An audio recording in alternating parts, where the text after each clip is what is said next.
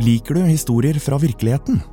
I Podimo slipper vi nye podkaster og lydbøker i denne sjangeren hver uke. Dokumentarer, personlige historier og true crime. I denne spillelisten kan du høre et utvalg av våre mest populære titler.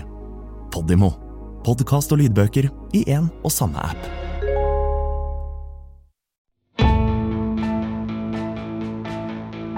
For krimjournalister over hele verden er det å rapportere om forferdelige hendelser en del av hverdagen. Og av og til er virkeligheten de skal rapportere om, så mørk at det kan føles som om vi har nådd et nytt nivå av menneskelig grusomhet. For første gang har et nettverk av 600 krimjournalister invitert oss inn i de mørkeste avkrokene i deres jobbverden. De har delt historier om noen av de mest urovekkende sakene noensinne. Dette er gjenfortellinger av disse historiene. Velkommen til Mørkets arkiv. Først en bemerkning til deg som hører på. Disse fortellingene handler om voldsomme hendelser og i noen av episodene vil det være snakk om selvmord, seksuelle overgrep eller detaljerte beskrivelser av vold. Lytt med varsomhet. Etter mørkets frembrudd forvandles Central Park til en labyrint. Stiene, som ser så innbydende ut i dagslyset, tetter seg rundt deg og slynger seg rundt i parken. Joggerne, hundelufterne og solbaderne er for lengst forsvunnet. Nå søker rusmisbrukerne, de hjemløse og alkoholikere ly i parken.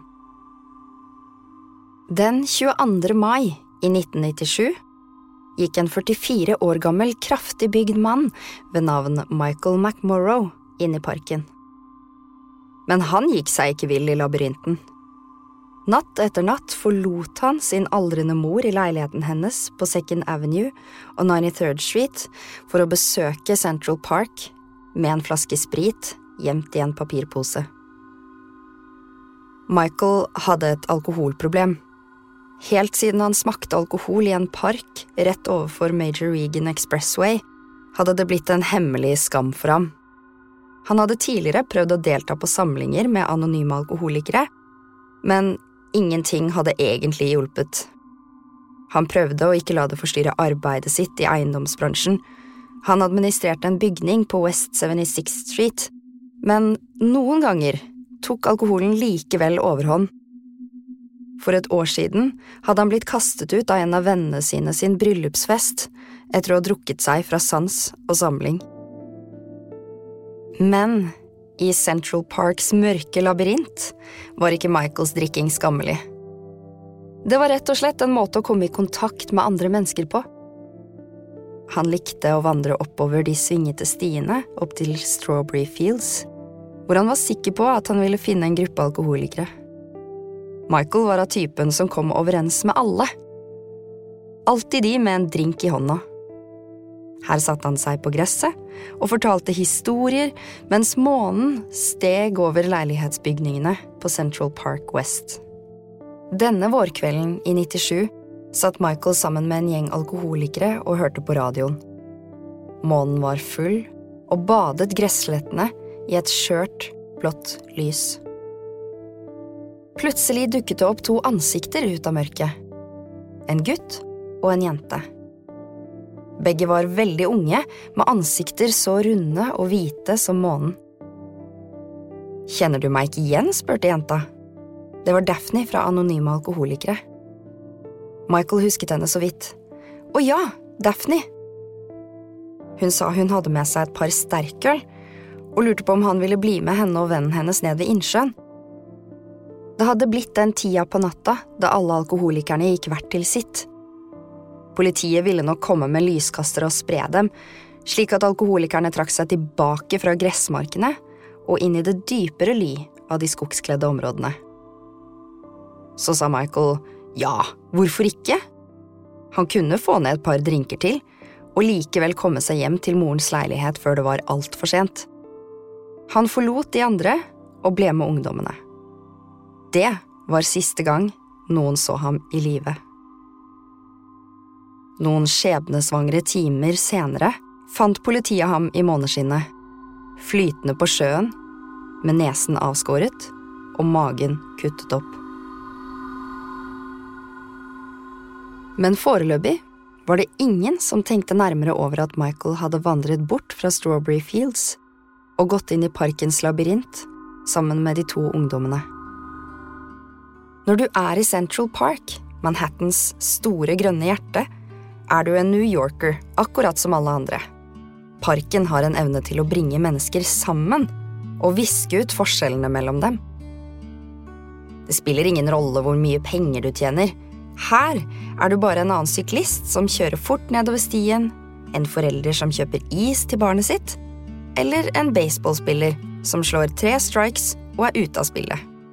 Hvis du bare kjente til parken, ville du kanskje tro at New York var det perfekte demokratiet, men sannheten er at når folk krysser den omkransede steinmuren og forlater parken, vender de tilbake til et samfunn delt etter rase, kjønn og sosial klasse. Ut ifra materielle forskjeller er det vanskelig å finne et mer ulikt par enn Daphne Abdela og Christopher Vasquez. De var begge 15 år den kvelden i 1997. Men veiene de hadde tatt i livet, kunne ikke vært mer forskjellig. Daphne visste ikke hvem sine biologiske foreldre var. Hun hadde blitt adoptert ved fødselen og ble oppdratt av et ekstremt velstående par. Hennes adoptivfar, Angelo, var en israelskfødt forretningsmann med et suksessfullt matvareselskap i New Jersey. Og hennes adoptivmor, Catherine, var en franskfødt modell. De bodde i The Majestic, et totårns sameie i Central Park West, et av de skremmende art deco-mesterverkene du kan se fra parken. En gang for lenge siden var The Majestic hjemstedet til kjente gangstere som Lucky Luciano og Meyer Lansky. Nå var det hjemmet til bedriftseiere som Angelo, og leilighetene kunne lett koste to millioner dollar eller mer. Men Daphne hadde alltid hatt et trøblete forhold til de luksuriøse omgivelsene, og til foreldrene sine. Fra en tidlig alder var det tydelig at noe var annerledes med henne. I motsetning til andre barn virket det alltid som om en skygge lå over Daphne. Hun smilte eller lo aldri. Hun så ut til å leve i en indre, ulykkelig verden som ingen kunne tolke. Når hun var sammen med andre, var hun frekk og sta. Og hun gjorde alltid det hun ville, uansett konsekvenser. Hun ble med på et svømmelag kalt Westside Marlins og ble fortalt av treneren at hun aldri måtte stoppe i vannet, at hun måtte presse seg helt til siste slutt. Men Daphne brydde seg ikke. Når hun følte for det, stoppet hun og fløt rundt midt i bassenget, uten å bevege seg en meter, uansett hvor mye treneren ropte og skrek til henne. Øyeblikk som disse var morsomme nesten imponerende for de andre mer føyelige barna. Men andre situasjoner var direkte slemme. På et tidspunkt ble hun sint på et farget medlem av teamet og kom med en rasistisk bemerkning. Da moren prøvde å få henne til å be om unnskyldning, nektet Daphne. Det var vanskelig å si om hun visste at hun hadde gjort noe galt, eller om hun likte å bli sett på som ond fordi det gjorde henne annerledes fra de andre barna. Det var i hvert fall tydelig for alle at Angelo og Catherine ikke hadde kontroll på barnet deres i det hele tatt. Angelo anmeldte henne til og med for trakassering etter at hun slo ham. Imidlertid var det Catherine som ble hardest rammet av Daphnes raserianfall. Angelo var en arbeidsnarkoman som nesten aldri var hjemme, så han overlot alt til Catherine. Men mor og datter klarte ikke å komme overens. Hvis de var ute, gikk Daphne tre skritt foran moren som om de ikke kjente hverandre i det hele tatt. Catherine prøvde å hjelpe datteren sin med hennes usikkerhet, men kanskje hun bare gjorde det hele verre. Catherine hadde jobbet som modell og var et lysende eksempel på klassisk skjønnhet. Daphne derimot var liten og kraftig, med kort, brunt, gutteaktig hår og tykke barnekinn. Hun skammet seg over vekten sin. og dro til og med en gang på sommerleir for overvektige barn, men kiloene kom likevel tilbake. Catherine prøvde å oppmuntre henne ved å kjøpe elegante designerkjoler som ville bidra til å få frem hennes feminine sider. Men kjolene bare hang og samlet støv i Daphnes klesskap. I stedet valgte Daphne store, løse klær som skjulte figuren hennes. Klærne skjulte også andre ting. Daphne begynte å drikke fra en veldig ung alder, og da hun var 15, hadde hun allerede et alkoholproblem. Ved å bruke falske ID-er kjøpte hun sekspakninger med øl, gjemte flasker i lommene og hang i Carl Shirts park. En smal, grønn stripe der East River møter en bukt. Parken er hjemsted for stort mangfold. Her er ordførerens offisielle hjem, men det er også et sted hvor unge med problemer møtes for å røyke hasj, drikke sprit og slåss. På samme måte som hun hadde på seg klær som var det motsatte av hva moren ønsket at hun skulle gå med, begynte Daphne også å henge på Carl Church Park for å trosse sin trygge, velstående oppvekst. Hun ble en av de sterke personlighetene blant tenåringene, og lærte franske banneord som hun hadde hørt fra moren. Hun elsket å spille et spill som het slapboxing, der to tenåringer slår hverandre for å se hvem som kan holde ut lengst. Selv når hun møtte en som var bedre enn henne, holdt Daphne ut, og tvang til slutt motstanderen til å vise henne barmhjertighet i stedet for å fortsette å slå. Men hun omfavnet aldri statusen som et gatebarn fullt ut.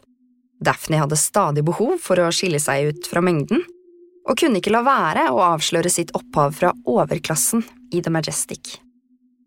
Hun bar rundt på en personsøker og en mobiltelefon, og viftet ofte med penger. Hun tok en gang med en gruppe ungdommer til Times Square og kjøpte falske ID-er til dem. Alle som trodde jenta i de baggy klærne hadde vokst opp i fattigdom, kunne bare se på de dyre joggeskoene hennes for å se at det var bare en fasade. For Christopher Vasquez, derimot, handlet det å komme fra en arbeiderklasse ikke bare om klesstil, han vokste opp i et New York så totalt forskjellig fra det livet Daphne hadde vokst opp i. Det kunne like gjerne vært en annen by. Faren hans var butikksjef, moren hans var sekretær på en skole, og de bodde i fjerde etasje i en brunsteinsbygning uten heis. I utkanten av den spanske delen av Harlem, hvor det bor mange mennesker fra Sentral- og Sør-Amerika. Han klamret seg til dette ene nabolaget, og han klamret seg til moren. Christopher var en kort periode speider og altergutt, men han ble både skremt og utslitt av enhver offentlig interaksjon med andre mennesker, så han kom alltid raskt hjem, til hjemmets sikkerhet. Da han var ni og gikk i tredje klasse, hoppa Christopher plutselig opp fra stolen sin og løp ut av klasserommet. Og av uforklarlige grunner ønsket han ikke å komme tilbake til skolebenken. Hver gang han så mye som vurderte det, ble han rammet av et voldsomt angstanfall. Psykiatere diagnostiserte ham med agorafobi, frykt for folkemengder, og ga ham Soloft mot depresjonen hans og det beroligende middelet lorazepam.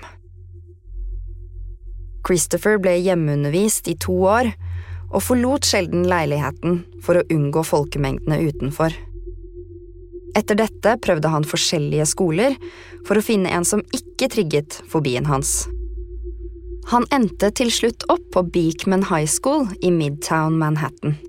Skolen hadde små klasser og var stolte av å kunne ta imot barn med fysiske eller psykiske utfordringer. Han gjorde fremskritt, men så skjedde det utenkelige. Foreldrene hans gikk fra hverandre. Faren flytta ut, mens Christopher og moren ble boende i leiligheten. Det var nå Christophers personlighet begynte å endre seg. Til og med tryggheten i hjemmet hadde blitt ødelagt. Han hadde nå lært at ingen steder var trygge, og han måtte bli tøffere. På skolen ble den tidligere altergutten med i en gjeng kalt East Coast Vandalists. De var ikke spesielt kule, bare en gjeng glorifiserte graffitikunstnere. Men Christopher tok imaget mer seriøst enn de fleste. Når han var på fester, begynte han kamper uten grunn og slo ned motstanderen med ett godt plassert slag. Tidligere hadde han klamret seg til moren i redsel, men nå holdt han seg ute etter leggetid og ville ikke ta telefonen når hun ringte. Barna på skolen la merke til et nytt, tomt uttrykk i ansiktet hans. En grøssende maske av likegyldighet til alt og alle. En kveld gikk Christopher gjennom Central Park da et slagsmål brøt ut mellom to fremmede. Han så på mens mennene slo mot hverandre, før de rullet rundt på bakken i et virvar av vold, med ansikter dekket av blod. Ved siden av ham sto en jente, med kort, brunt hår og posete klær, som også fulgte med på kampen. Hun sa at hun het Daphne. De to så fascinert på kampen, begge tiltrukket av synet av vold. Etter hvert skilte politiet de to mennene og arresterte dem, og en avisreporter intervjuet jenta som hadde vært vitne til slåsskampen. Dette gjør at jeg ikke stoler på noen, siterte reporteren Daphne. Christopher visste nøyaktig hva hun mente. De to begynte å henge sammen. De hadde begge rulleskøyter, og de elsket å suse gjennom Central Parks labyrint midt på natten mens skyggene for forbi dem. De begynte å drikke øl og snakket om alle menneskene de hatet som hadde sviktet dem. Forholdet deres var ikke akkurat romantisk. Daphne datet en annen, men det var en viss spenning mellom dem. En elektrisk ladning som gjorde andre nervøse.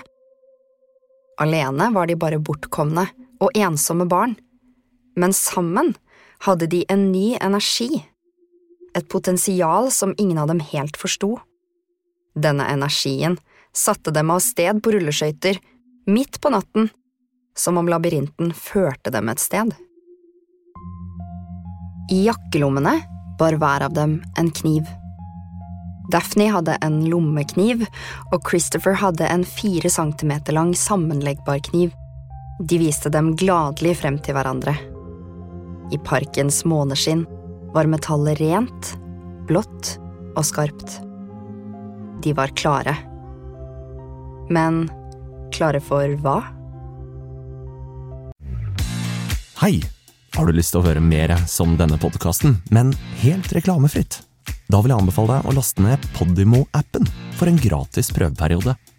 Ikke bare finner du kvalitetspodkaster innen alle sjangere, men også flere av de mest populære lydbøkene. Alt sammen i Podimo-appen. 22. mai 1997, den siste dagen i Michael McMurrows liv, begynte som alle andre dager for Daphne og Christopher.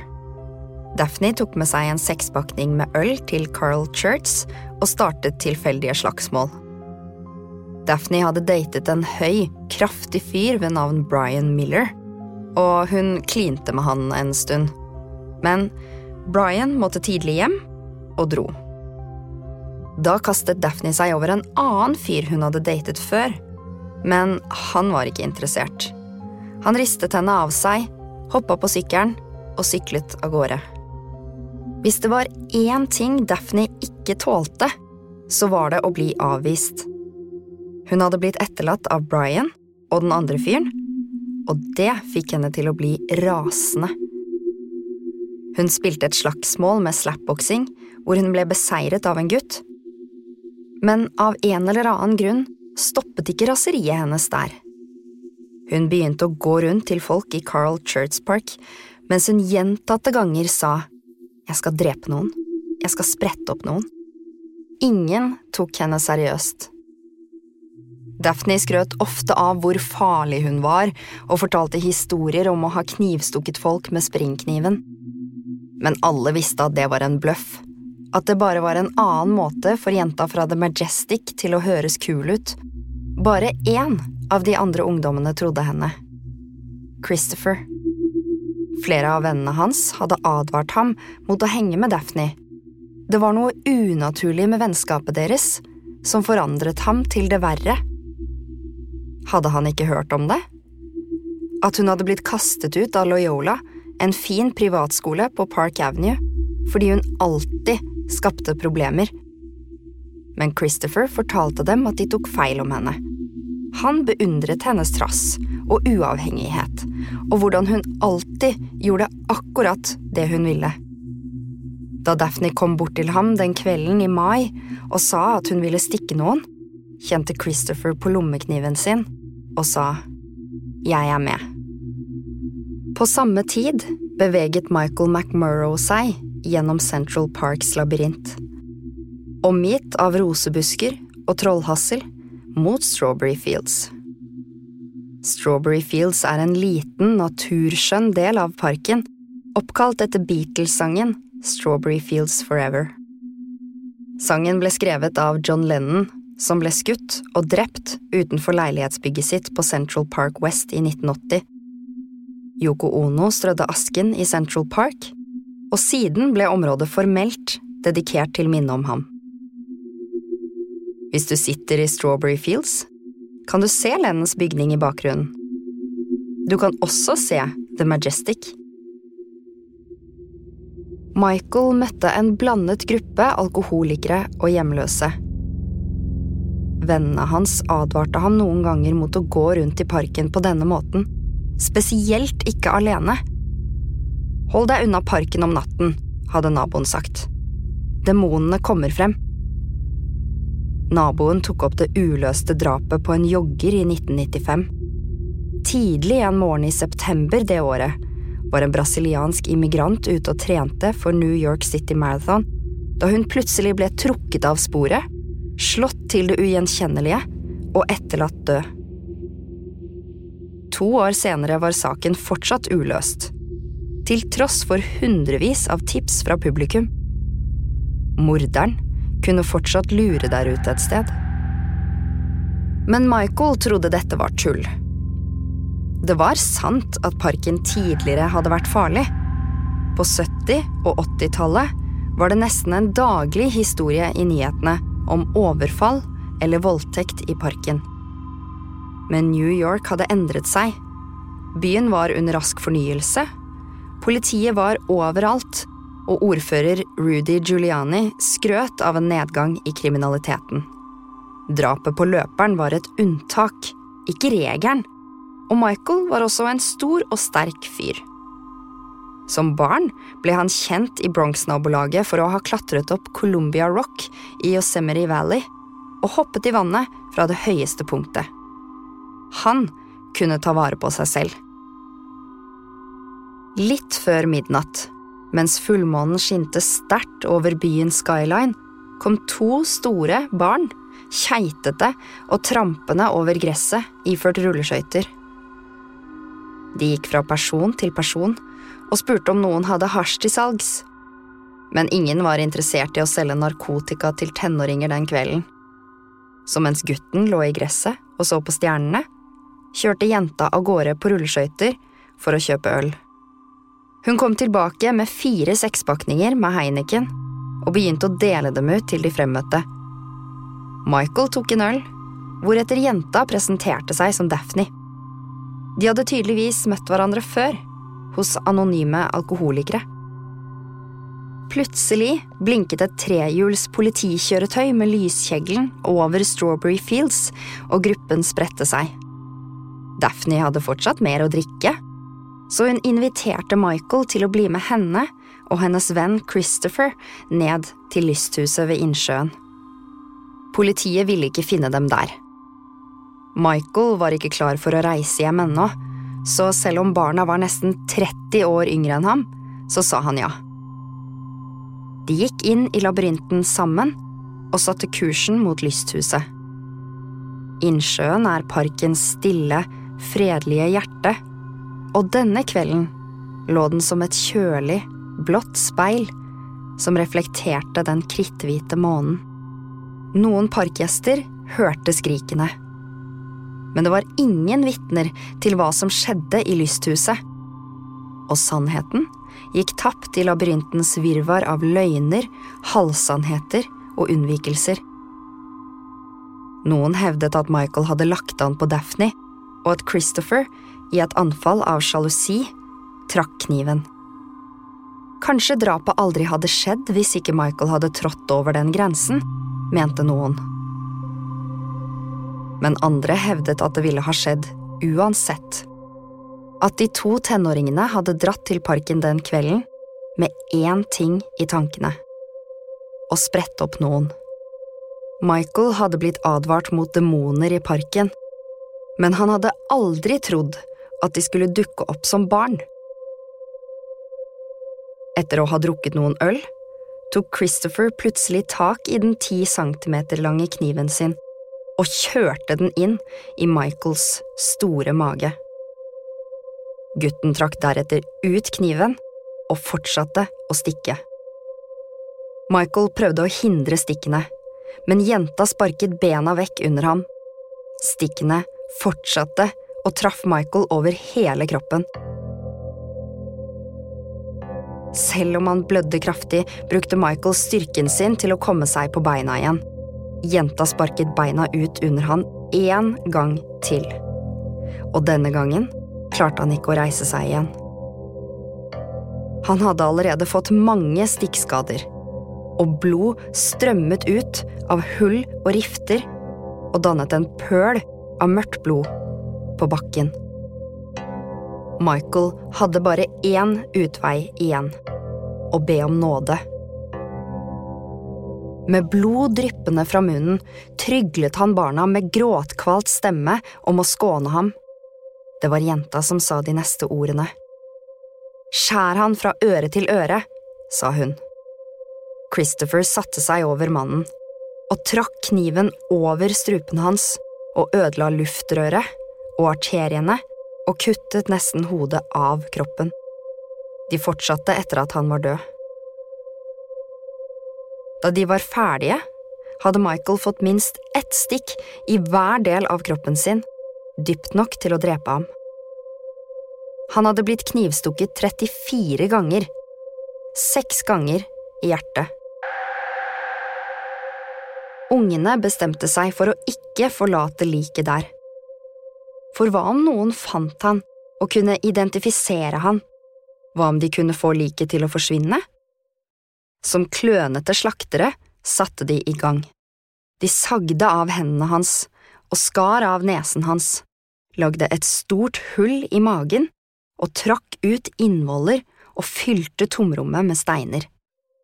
Han er tykk, sa Daphne. Han kommer til å synke til bunns. I månens nakne lys dro de det forslåtte liket til kanten av innsjøen og dyttet det uti. Men til deres overraskelse sank ikke Michael. Han fløt og forstyrret innsjøens speillignende overflate. Da de skjønte at han ikke kom til å synke ned til bunnen, tok de på seg rulleskøytene og stakk fra stedet. Men da de forlot labyrinten og dukket opp i gjenskinnet fra gatelyktene, oppdaget de at de var dekket av blod. De søkte tilflukt i The Majestic. De skyndte seg forbi dørvakta og gjennom lobbyen mot et toalett på baksiden av bygningen. Daphne visste det ikke, men faren hennes hadde allerede ringt politiet for å melde henne savnet da hun ikke hadde kommet hjem til avtalt tid. Dørvakta hadde fått beskjed om å ringe politiet hvis han så jenta, og det gjorde han. Det tok ikke lang tid før en patruljebil stoppet foran bygningen og en betjent kom inn. Klokka var omtrent ett om morgenen. Han spurte dørvakta hvor han kunne finne jenta, og dørvakta pekte i retning toalettet. Da betjenten åpna døra, var de to barna nakne og i gang med å vaske hverandre. De sto med vann opp til anklene, som var brunaktig av fortynnet blod. Men Daphne hadde en unnskyldning. Hun sa at de hadde falt på rulleskøytene og ble skadet, og betjenten trodde henne. Han var tross alt bare der for å avslutte en savnetsak, og hvor mye trøbbel kan barn i den alderen egentlig lage? Etter at ungjenta var overlevert til foreldrene, satte han seg inn i patruljebilen og tenkte ikke mer på det. Da han kjørte forbi steinmuren langs Central Park West, var han helt uvitende om at et lik fløt rundt i innsjøen. Samtidig skjedde det noe i hodet til Daphne høyt der oppe i The Majestic. Kanskje jernlukten av blodet hadde satt i gang magen hennes, eller kanskje Michaels bønner fortsatt runget i ørene hennes. Hun følte seg tvunget til å ringe 911, som om hun var bekymret for at liket aldri skulle bli funnet. Hun sa at en av vennene hennes hadde hoppet i innsjøen i Central Park og ikke hadde kommet opp til overflaten igjen. Så la hun på.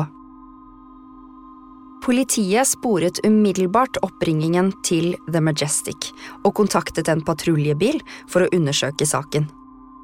Betjenten dro tilbake til Central Park West, gikk inn i bygningen og fant Daphne, som spiste en porsjon med makaroni og ost.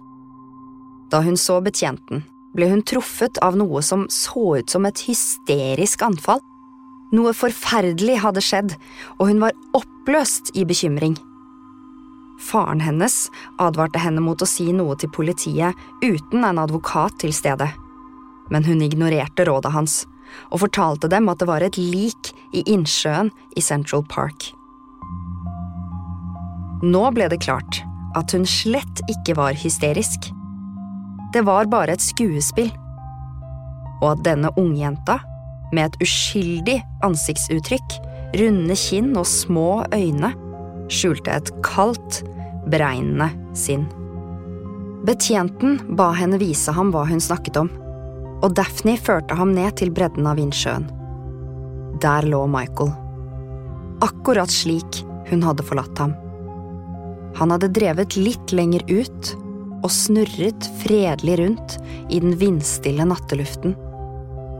Hun sa at hun hadde prøvd å redde ham ved hjelp av hjerte-lungeredning, som hun hadde lært da hun var en del av svømmeteamet, men betjenten trodde henne egentlig ikke. Det var 20 kilo med tarmer som fløt rundt ved siden av kroppen til Michael. Hvorfor ville du prøve å gi hjerte-lungeredning til en person med en mage som var sprettet opp? Da bilder av morderne dukket opp i aviser og på TV, virket det usannsynlig at de kunne ha drept og misbrukt en uskyldig mann i Central Park.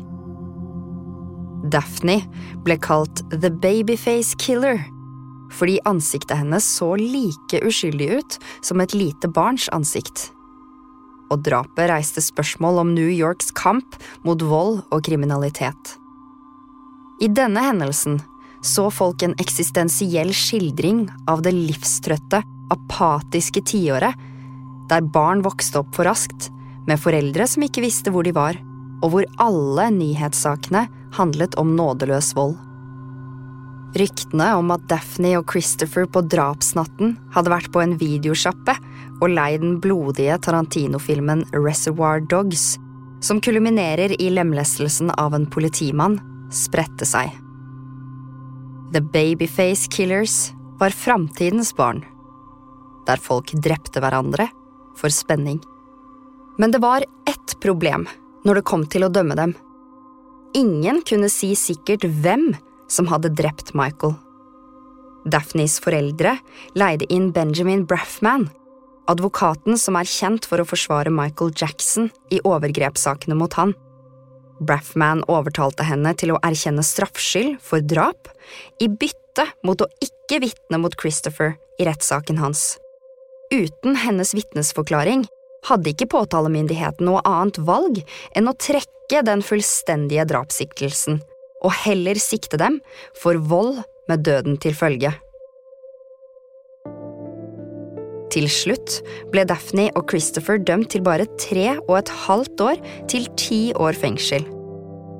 Jurymedlemmer gråt da de leste opp dommen, fordi de ønsket at de kunne ha gitt dem en lengre dom men de klarte rett og slett ikke å bli enige om hvem som faktisk hadde gjort det.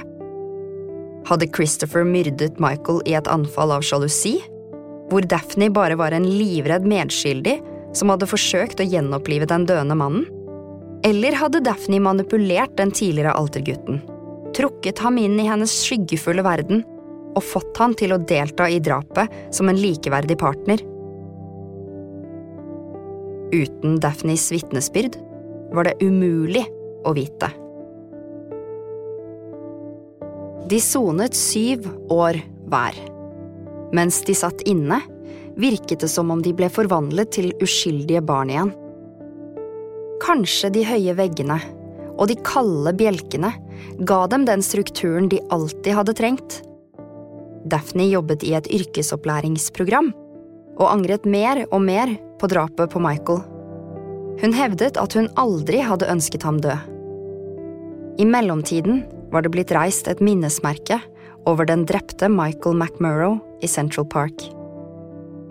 Det var nok ikke en like storslått hyllest som Strawberry Fields, men parkbenken bærer et lite skilt med navnet hans. Parkbesøkende kan sitte der, kanskje drikke en øl og se på forbipasserende. Akkurat som Michael ofte gjorde. På en bitende kald vinterettermiddag, to dager etter Daphnes løslatelse, kunne man se en liten lapp på benken ved siden av en bukett frosne nelliker. På lappen sto det Hvil i fred. Jeg prøvde å redde deg. Den ble signert med det. En iskald vind feide gjennom parken. Lyset bleknet raskt. Det var på tide å komme seg hjem. Snart ville mørket oppsluke parken. Og hvem vet hva som ventet i labyrinten? Du har hørt tredje episode av Mørkets arkiv. En samproduksjon av Podimo og Vespucci. Gjenfortalt av meg, Ingrid Karlin Lauritzen. I neste episode får du høre en historie om en mann med en hemmelighet som virkelig kommer under huden på deg.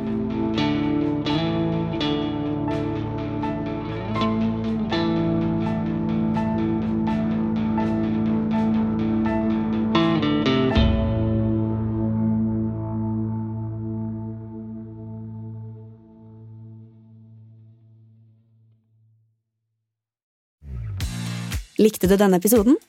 Så del den, da vel. Fortell en venn hva du hører på, og gi følelsen av god lytting i gave til noen du bryr deg om.